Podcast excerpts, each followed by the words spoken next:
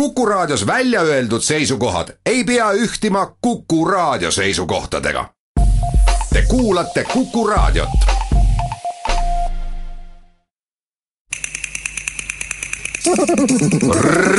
reisirada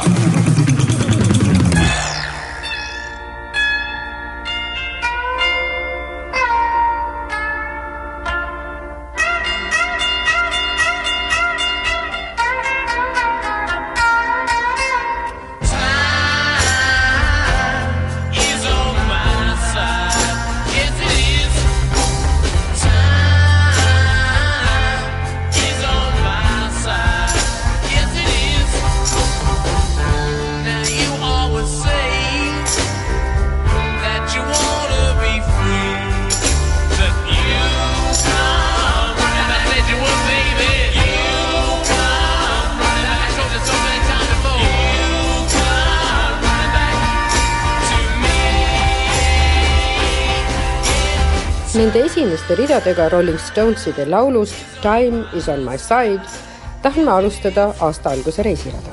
laul, mis kuulus ülikooli ajal minu lemmikute hulka.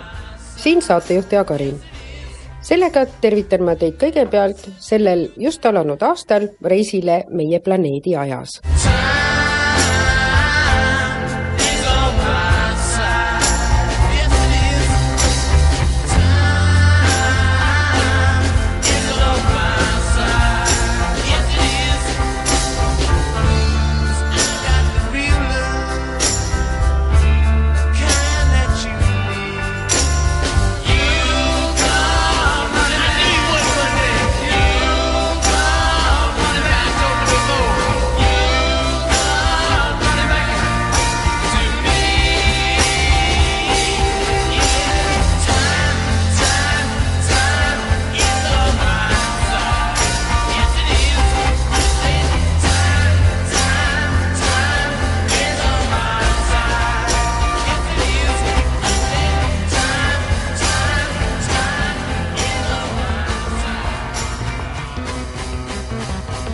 maakera pöörleb liiga aeglaselt. nii väidab vähemalt Wolfgang Dick maakera rotatsiooniteenistusest. päevad on pikemad ja kellad näitavad ebatäpset aega. nii algas ka kahe tuhande seitsmeteistkümnendas aasta omapärasel ajal. kell näitas kakskümmend kolm tundi, viiskümmend üheksa minutit ja kuuskümmend sekundit. ja tõepoolest, inimesed tõstsid näiteks Suurbritannias klaasid uue aasta tervituseks üks sekund liiga vara. Me peame aega korraks kinni hoidma. selleks, et maailma aeg ehk rahvusvaheliste lepetega kehtestatud ühtne aeg ja ööpäeva tegelikku pikkust väljendav päikeseaeg liialt teineteisest ei erineks. see oli ju sada aastat tagasi, kui teadlased leppisid kokku, et päeva pikkus on kakskümmend neli tundi ja igas tunnis on kuuskümmend minutit ja igas minutis kuuskümmend sekundit. Sellest ajast peale on aga maakera aeglasemaks jäänud. seetõttu lülitame vahele lisasekundi, selleks, et astronoomiline aeg ja maailma aeg tasakaalustuksid selle lisasekundi aluste üle otsustabki rahvusvaheline maakera rotatsiooniteenistus. aatomiaega määratakse aga mujal ja nimelt Pariisis, asutuses nimega Bureau International de Poids et Mesures koostöös füsikaaltehnilise riikliku asutusega Braunschweigis Saksamaal. järgmine kord tehakse seda aastal kaks tuhat kakskümmend kolm. meie jaoks on tähtis aga ka maateel ja liikumine sest planeet ei keerle perfektselt, vaid kõigub. mis asendis maakera aga maailmaruumis parajasti on, see on oluline ka navigatsiooni jaoks. selle mõõtmiseks on olemas huvitavad mõõtmisvõimalused nagu GPS, laaserkaugusmeetod ja raadioteleskoobid. Need viimased asuvad Baierimaa metsades ja võimaldavad jälgida galaktikate tuumasid milledel on väga tugev raadiokiirgus, aga nad on väga kaugel ja nende liikumist ei ole võimalik mõõta. nii kasutatakse neid maailmaruumi pidepunktidena, mille kaudu saab mõõta maakera liikumist ja mis näitavad selgelt seda, mida füüsikud aastal tuhat üheksasada kolmkümmend kvartskelladega juba kindlaks tegid. rotatsiooni kõikumised viivad kõrvale kalleteni astronoomilisest ajast, mida tuleb korrigeerida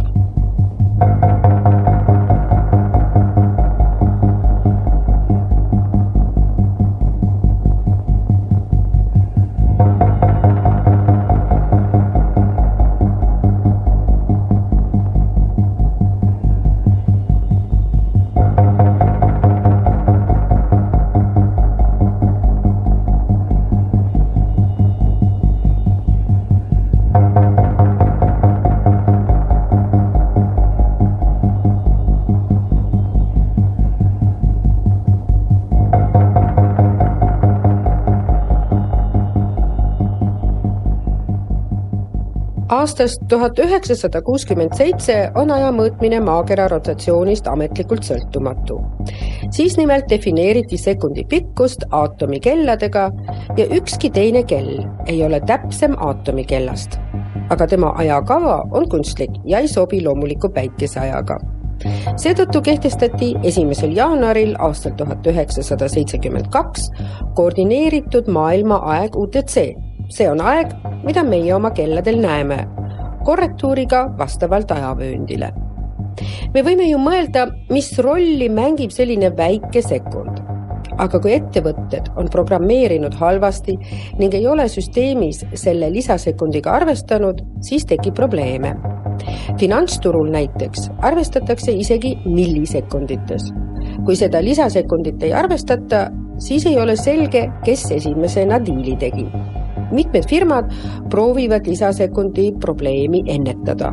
Google näiteks ei lisanud kahe tuhande viieteistkümnendal aastal mitte ainult ühe sekundi, vaid päeva jooksul mitu millisekundit.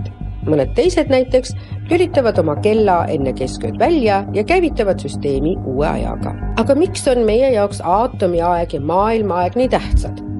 Kui me elaksime ainult paralleelselt aatomiajaga ja ei peaks me sellega sobitama maailmaaega, siis nihkuks kõik.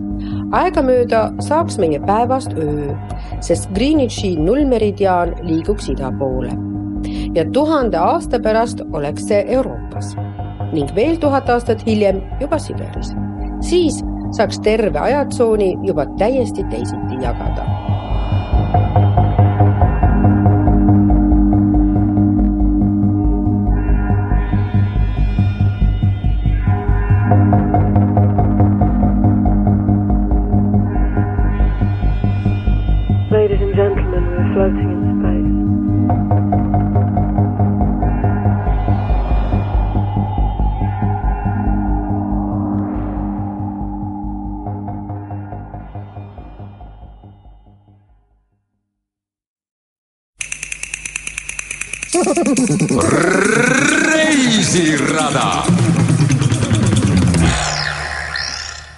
läheme Odessasse. seal löövad inimeste silmad särama, kui ütled, et oled Eestist. kui meeldiv. ja meie kui külastajate silmad löövad särama selles külalislahkuses ja selle linna erilises õhkkonnas. loomulikult on suur osa sellest ka meie kaunitel energilistel vastuvõtjatel Violetal ja Annal. ilma nendeta vist ei toimu ükski Odessa suurejoonelistest festivalidest kuna aga praegu on külm aastaaeg, siis suundume kõigepealt linnast välja, Šabo veinitehasesse. teel on raudteemajakesed, nende kõrval puidust ja kollaseks värvitud aiaga maalapike. majad ise on sinised. kunagi seisis ka Eestis, kui rong möödus, sellise majakese ja lillesid täis ai aialapikese kõrval jaama korrapidaja ja tõstis oma lipukese meie jõuamegi Odessast lõuna poole Vilhorod-Dnistrovski külje alla, seal on külake nimega Šabo. siin räägimegi veinitehase juhatajaga, seistes suure metallist torni kõrval, mis asub vees ja mille metalli on lõigatud kujutised, mis räägivad veini ajaloost. Uhkusega tutvustab Nikolai Gornitšar oma tehast Мы с вами находимся на территории производственного комплекса Шабу. Село Шабу создано в 1822 году швейцарскими колонистами, которые приехали из кантона Во, маленького городка ВВ, начали здесь виноделие и положили начало новой жизни в 19 веке. Me asume teiega Šaabu territooriumil. küla ise asutati aastal tuhat kaheksasada kakskümmend kolm. siia tulid Šveitsist, Voo kantonist asunikud ning hakkasid tegelema veinitootmisega. sellega äratasid nad terve regiooni uuele elule. regioon kuulus hilisematel aegadel Venemaa koosseisu, siis Rumeeniale, siis Nõukogude Liitu. täna on siin suur veinitootmine, toodetakse nii kahekümne esimese sajandi tehnika alusel kui üheksateistkümnenda sajandi järgi. me säilitame nimelt neid mitmeid põlvkondi vanu traditsioone, neid, mida tõid meile šveitslased ning tänu kellele on firma Šabost saanud sild mineviku ja tänapäeva vahel. oma toodanguga kuulume me täna Euroopasse. see oli tsaari õpetaja Frederic César de la Harpe, kes pärines Šveitsist ning kes veenis tsaari, et ta laseks šveitslastel tulla uutele vallutatud maa-aladele.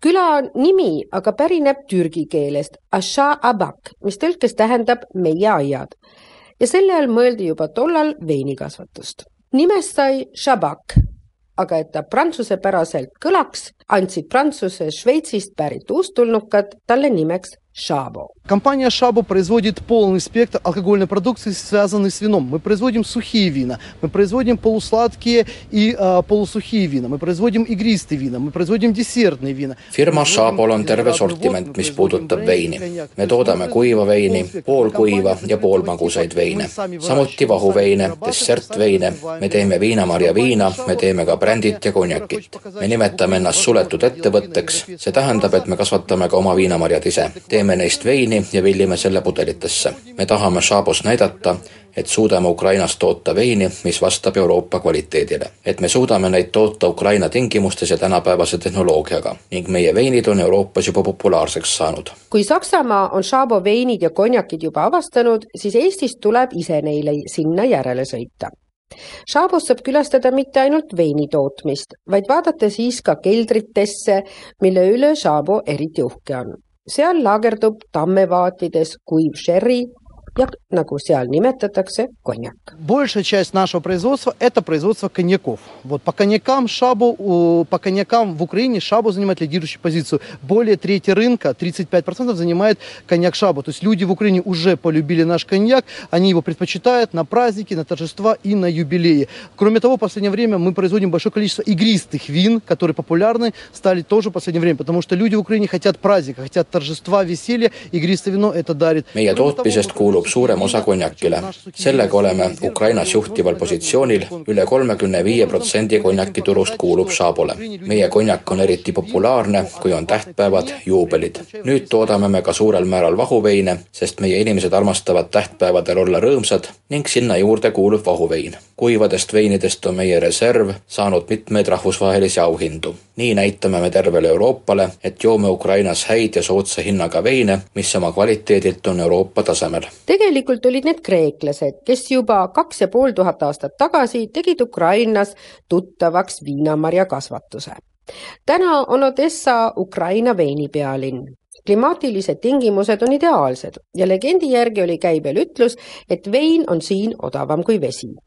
Vinarki, mis läänes oleksid tuntud nimetuse all Bottega, said Odessa visiitkaardiks ajal, kui Odessa oli Musta mere olulisim sadam.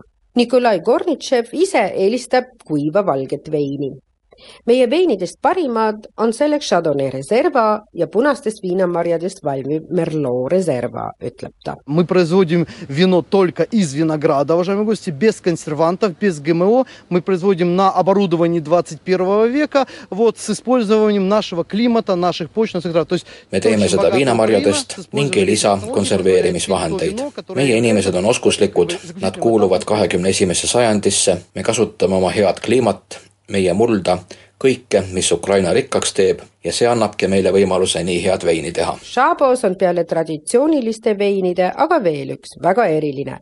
selle nimi on tiltikuruk. Тильтикуйрук – это а, уникальный белый сорт винограда, уважаемые гости. Об- Он аборигенный, он растет только здесь, еще называют его автохтонный. Это сорт, которому почти 500 лет. Это изюминка нашего завода, потому что такого сорта ни у кого в мире нету. И такое вино мы производим только мы.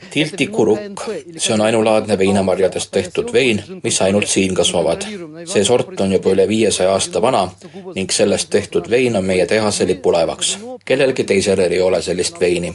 See on AOC vein, mis tähendab, et me kontrollime tema päritolu. see vein valmib ainult meie territooriumil ning me toodame seda kahe tuhande kolmeteistkümnendast aastast. viinamarjade all on kakskümmend hektarit ning me loodame, et saame seda veini hakata pakkuma seerias Grand Reserve Tilti Kuruk. seda veini veel ei ekspordita, aga väga peatselt läheb ta Belgiasse, Šveitsi ja võib-olla ka Saksamaale, arvab Nikolai.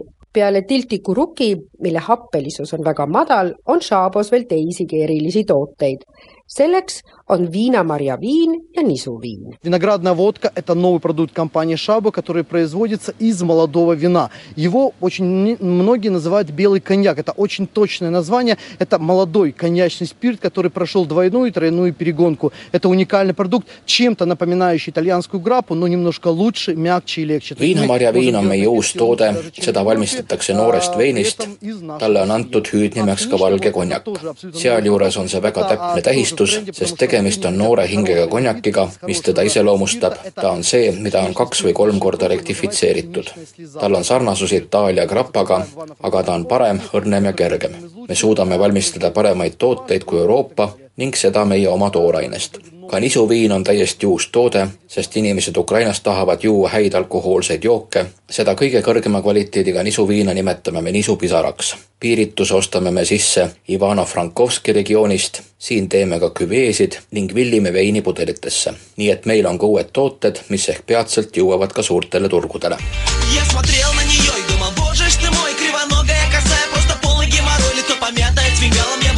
Разбудить, но надо было ее из хаты выносить. Двумя руками взял за плечи, попытался развернуть, уже давно погасли свечи, но была не в этом суть, а за окном шел дождь, мне надо было уходить, и тут придумал я, как можно другу отомстить.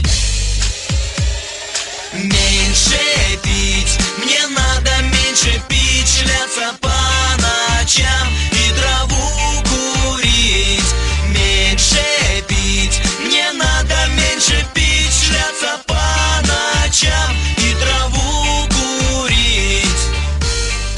veel kord ajareisile, seekord mitte planeediaega, vaid Ukraina kõige vanemasse linna Belgorod või Vilhorod Dnestrovskisse. muljetavaldavalt võimsad müürid võtavad meid vastu kunagi Akkermanni kindluseks nimetatud ehitises. täna on ta mälestusmärk kolmeteistkümnenda ja viieteistkümnenda sajandi ehituskunstist ning üllatab oma suuruse ja võimsusega ning on paremini säilinud ehitis Ukrainas oma kahekümne kuue võimsa torniga kunagisest kolmekümne neljast ja viie kuni viieteist meetri kõrguste müüridega. see oli aeg, kui regioon oli osa ajaloolisest regioonist nimega Bessaraabia. tuhande kaheksasaja kaheteistkümnendal aastal sai Akkermanni kindlusest nagu tervest Bessaraabiast Bukaresti rahulepingu kaudu osa Venemaast linna ajalugu algab aga juba kuuendal sajandil enne meie aja arvamist. tollal asutasid kreeklased linna nimega Miletus, Dnestri kallastel, mida kutsuti tollal Ophiussa Tüüre ja mille esimesed allikad on kirja pannud Herodotus. õuel on oma sepised üles seadnud kunstnik, seljas nahast põll ja varustatud alasiga. В данном случае я шью доспех. Доспех греческого воина, спартан, спартанского царя Леонида. Это реконструкция. У меня есть шлем, есть меч Махайра. И теперь я сделаю доспех siin valmistan ma ühte Spartast pärit Kreeka võitleja rüüd. see on järele tehtud. mul on olemas kiiver, mõõk, nüüd teen ka kilpi. see, mida te siin näete, on kiiver ja mõõk Roomast. Need siin on Kreeka omad. linn ise on üle kahe tuhande viiesaja aasta vana. siin olid juba kreeklased, roomlased, bütsantslased, slaavlased ja kuldne ordu. Moldaavia vürstid, siis oli siin Osmanite riik, Vene riik, siin on jälgi mitmetest kultuuridest ma valmistan siin ühe Rooma raudrüü, siis ühe Kreeka oma, sküütide oma ja ühe Türgi oma. Nendest saavad erinevate kultuuride mudelid. Городу более двух с половиной тысяч, тысяч лет. Здесь были греки, здесь были римляне, здесь были византийцы, здесь были славяне, золотоордынцы, э, Молдавское княжество, Османская империя, Российская империя. Здесь много очень разных культур. raudrüüdega tegevuse kõrval lööb ta vahepeal ka suure haamriga müntidele. igaüks, kes tahab, saab endale valida Kreeka või Rooma mudeli. mudelid on tal avatud kohvrikeses ritta seatud. Этому городу более двух с половиной тысяч лет. С момента основания у него были органы собственного самоуправления, сельская округа ему принадлежащая, и чеканка своей монеты говорит о том, что Тира был полисом, городом-государством. Сам процесс чеканки монеты, он не затейлив. Пара называется штемпелями. Медная заготовка укладывается между матрицей и пуансоном. Этот набор отправляется под поршень, и ударом 6-килограммового молота, именно так в античности чеканили монету молотом, в частности вот этой парой штемпелей, можно отчеканить вот такую монету. Я вам покажу, как она выглядит на фото в оригинале. Вы видите, на монете вот эта фотография оригинальной монеты, а это копия. На монете изображен Тирос. Тирос – это древнее название реки Днестр. В честь древнего названия реки был назван одноименный город Тира, основанный древними греками в VI веке до нашей эры. Изображен Тирос в виде молодого безбородого бога с лавровым венком на голове, с маленькими рожками на лбу. В переводе с индоевропейского «тирос» звучит как «быстрый и стремительный», река Днестр очень быстрая в своем течении, поэтому так было названо. see linn on juba üle kahe tuhande viiesaja aasta vana, alates linna asutamisest hakati vermima siin ka oma münte. müntide tegemine ei ole üldse keerukas. siin on tempel, vasetükk pannakse matriitsi peale ja kõik läheb suure haamri alla, see tuleb talle peale lüüa kuue kilogrammi raskusega. nii vermitaksegi münt. nii tehti münte ka varasematel aegadel. see siin on originaalmünt Tüürosest Tüüros oli vana nimi, sedasi kutsuti Dnestri jõge ning linnale anti nimi jõe järgi Tüüra. Need olid vanad kreeklased, kes selle linna asutasid. Tüürust kujutatakse noore jumalana ilma habemeta, tal on peas loorberilehtedest pärg ja väiksed sarvemiksud. Tüüros tähendab kiiret ja tormilist. nii nagu Dnestri jõgi, ka tema voolab kiiresti, seepärast teda niimoodi nimetatigi ühel pool münti on hobuse pea koos rakmetega, hobuse taga võib näha Tüürosa nime. münte tehti neljal aastasajal, need olid Tüüra linna esimesed mündid. siin on erinevad mündid kuuendast sajandist. jumalate kujutised muutusid müntidel. viiekümne kuuendal aastal meie aja järgi andis keiser Nero Rooma legionäridele korralduse siia tulla. nii muutusid ka mündid, nendele vermiti Rooma keisrid. teisel pool olid jumalad minul on siin münte erinevatest linnadest, täna teen ma aga münte just sellest regioonist. Помимо монет Тира, здесь есть у меня монеты Пантикопея, Ольвии, Фанагории, Истрии, Боспорского царства, скифских царей, Византии, греческих городов, Рима, Египта. Ну, это единичные экземпляры. Наиболее плотно я остановился на чеканке монет этого города. Это местные деньги. tema juurde astub perekond, väike energiline ringi jooksev tütarlaps ja imekõrgete keha kõikuma panevate kontskingadega daam. läbipaistev pitspluus, vesinikblondid juuksed, hammastel säravad kuldkroonid, kui ta naerab. abikaasa pildistab sel ajal, kui ta uurib münte ning võtab siis selle ka ühe vermimiseks ning avaldab oma emotsioone. Сильные. Да. Такие интересные. Ну, просто хотелось узнать, что это такое. Но это очень интересное.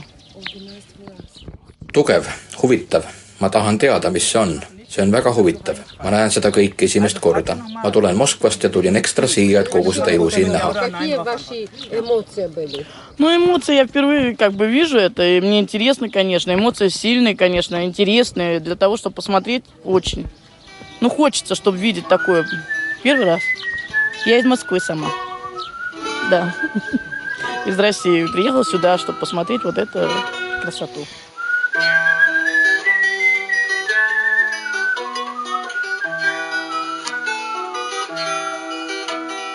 paar sammu edasi ja me astume kindluse siseõue.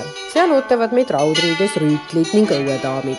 Nemad tutvustavadki keskaja mõõgavõitlust. vanade müüride vahel mõjub see ka väga romantiliselt. Меня зовут Павел, э, я являюсь э, членом клуба «Белый град», город Белгород-Днестровский, Одесской области.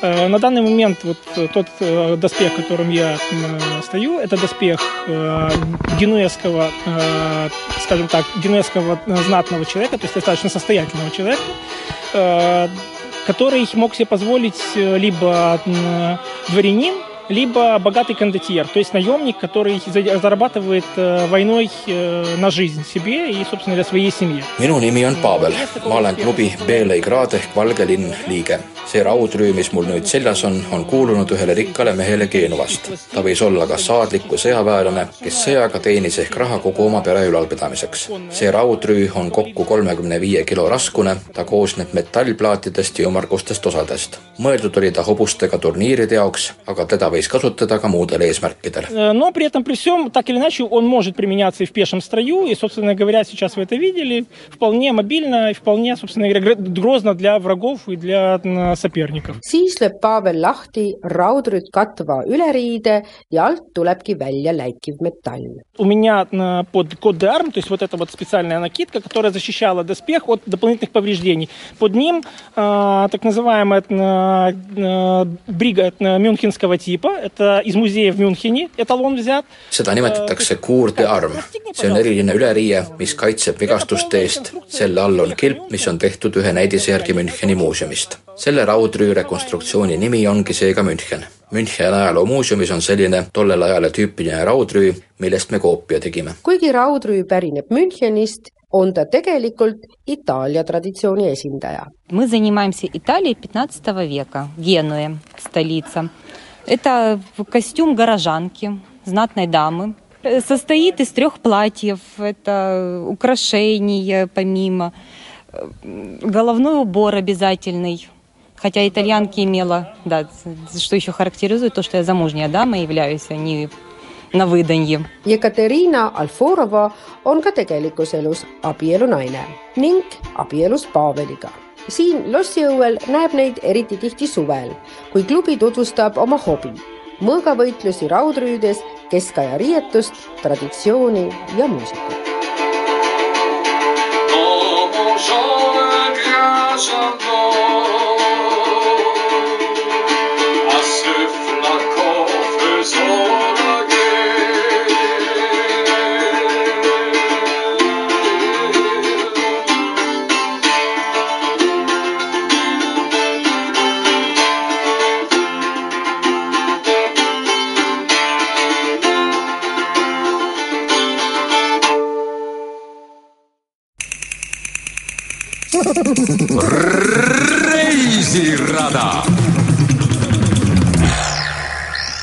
Правило, все-таки это Европа, Восток через Киев.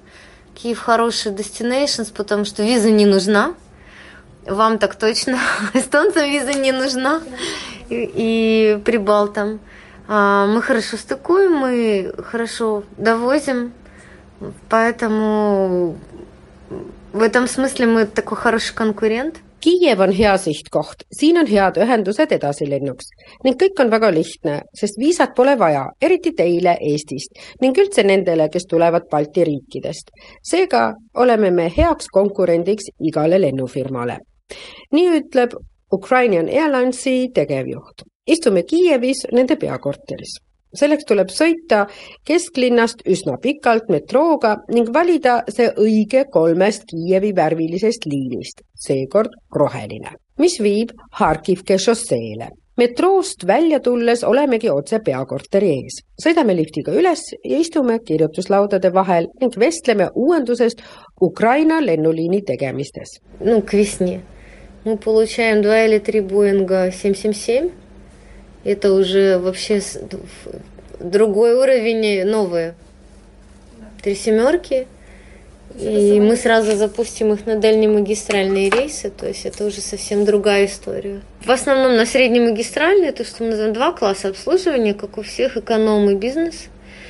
На дальнемагистральные это три класса. Там мы еще добавляем то, что мы называем премиум экономом.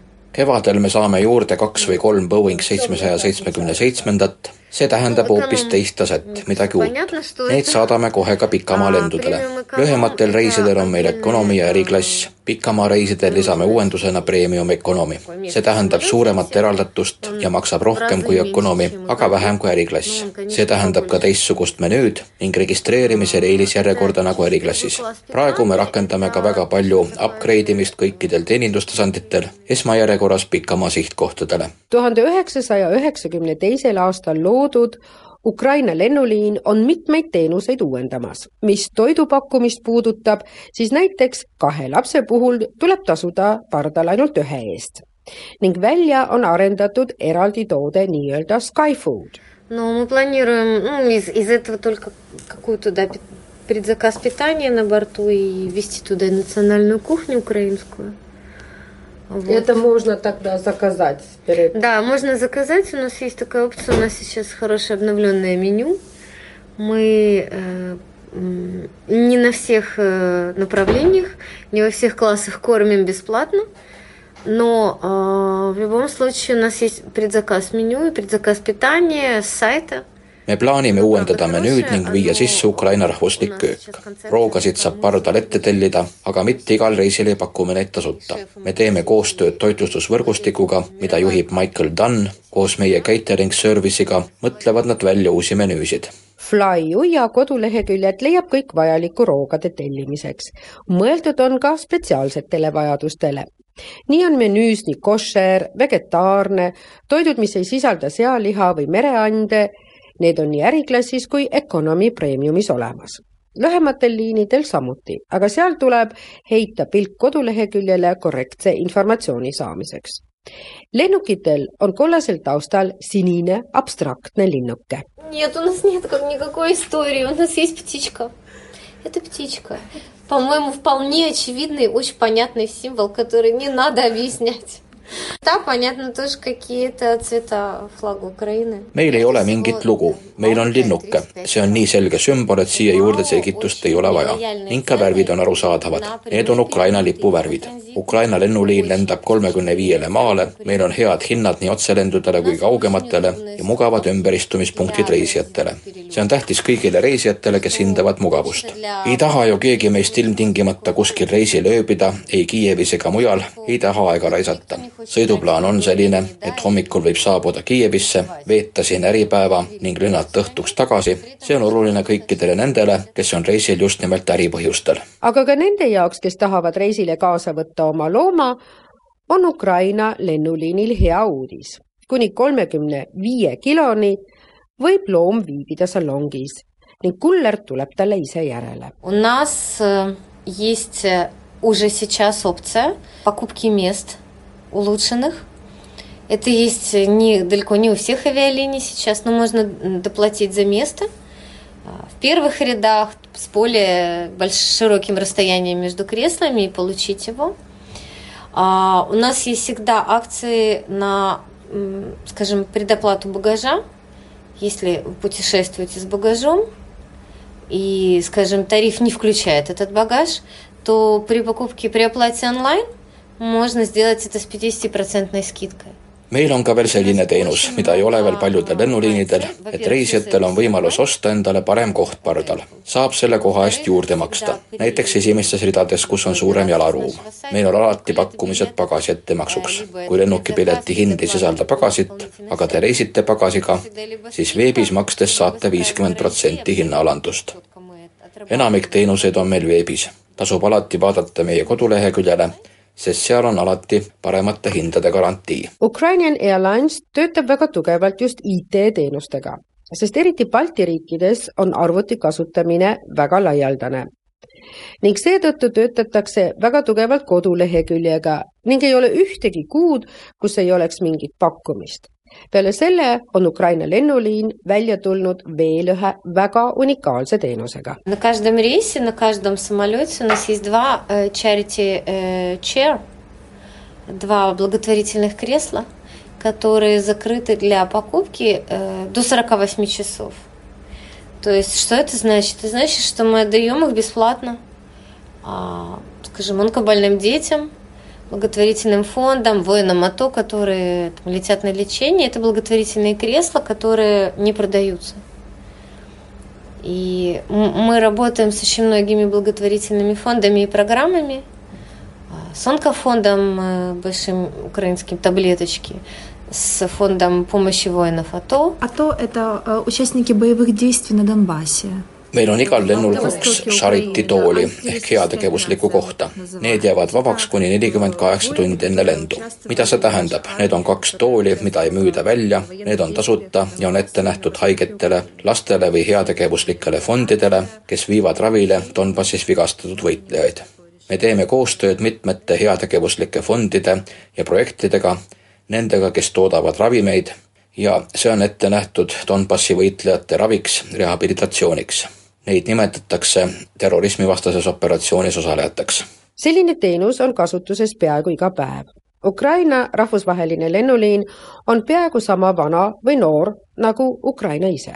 aastal kaks tuhat seitseteist tähistab lennuliin oma väikest juubelit, kakskümmend viis aastat ning seetõttu mõeldakse sellel aastal ka mitmetele erilistele pakkumistele. Nii et kõikide reisihuviliste jaoks võib leiduda seal midagi põnevat ja ootamatut.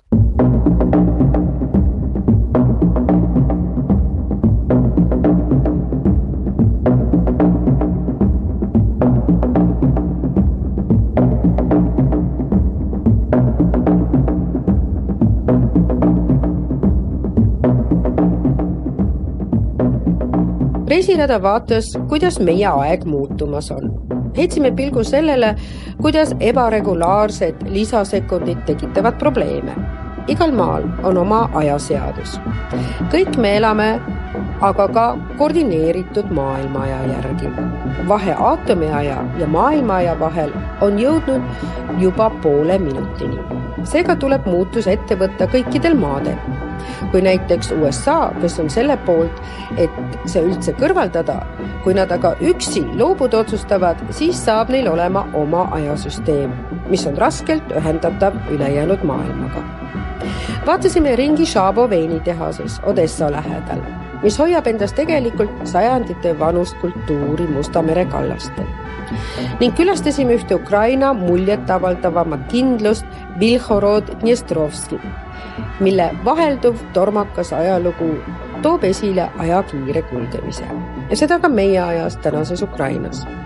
Ukrainian Airlines, mis on peaaegu sama vana kui tänane Ukraina, on rakendanud mitmeid erinevaid teenuseid, sealhulgas ka heategevuse valdkonnas. Loodame, et kahe tuhande seitsmeteistkümnes aasta, selle minutid ja sekundid toovad meieni häid uudiseid, paremad kui paljud, mis jõudsid meediasse aastal kaks tuhat kuusteist. saate tehnilise külje eest vastutas Veiko Rebane, tekste luges Toomas Metsis. saatejuht Jaak Arin jätab head aega. tahan veel teiega jagada nõuannet, mille saatis mulle hea tuttav kui midagi head juhtub, sõida kuskile seda tähistama. kui juhtub midagi halba, siis tuleks reisida kuskile, et seda unustada. ja kui midagi ei juhtu, siis on kõige parem kusagile reisida, sest siis toimub midagi, mis ei ole halb moto aastaks kaks tuhat seitseteist. eriti kui mõelda, kui väärtuslik on see aeg, mis meil kasutada on. nii ütleb ka saate lõpulaul. aeg ei jää kunagi seisma, kasuta seda ning parim viis selleks on reisimine Die Zeit, sie rast im Sauseschritt. Fragt nicht, nimmt uns einfach mit. Und weil sie niemals stehen bleibt, sie die größte Kostbarkeit. Die Zeit, sie rast im Sauseschritt. Fragt nicht, nimmt uns einfach mit. Und weil sie niemals stehen bleibt, ist sie die größte Kostbarkeit. Die Zeit, sie rast im Sauseschritt. Fragt nicht, nimmt uns einfach mit. Und weil sie niemals stehen bleibt,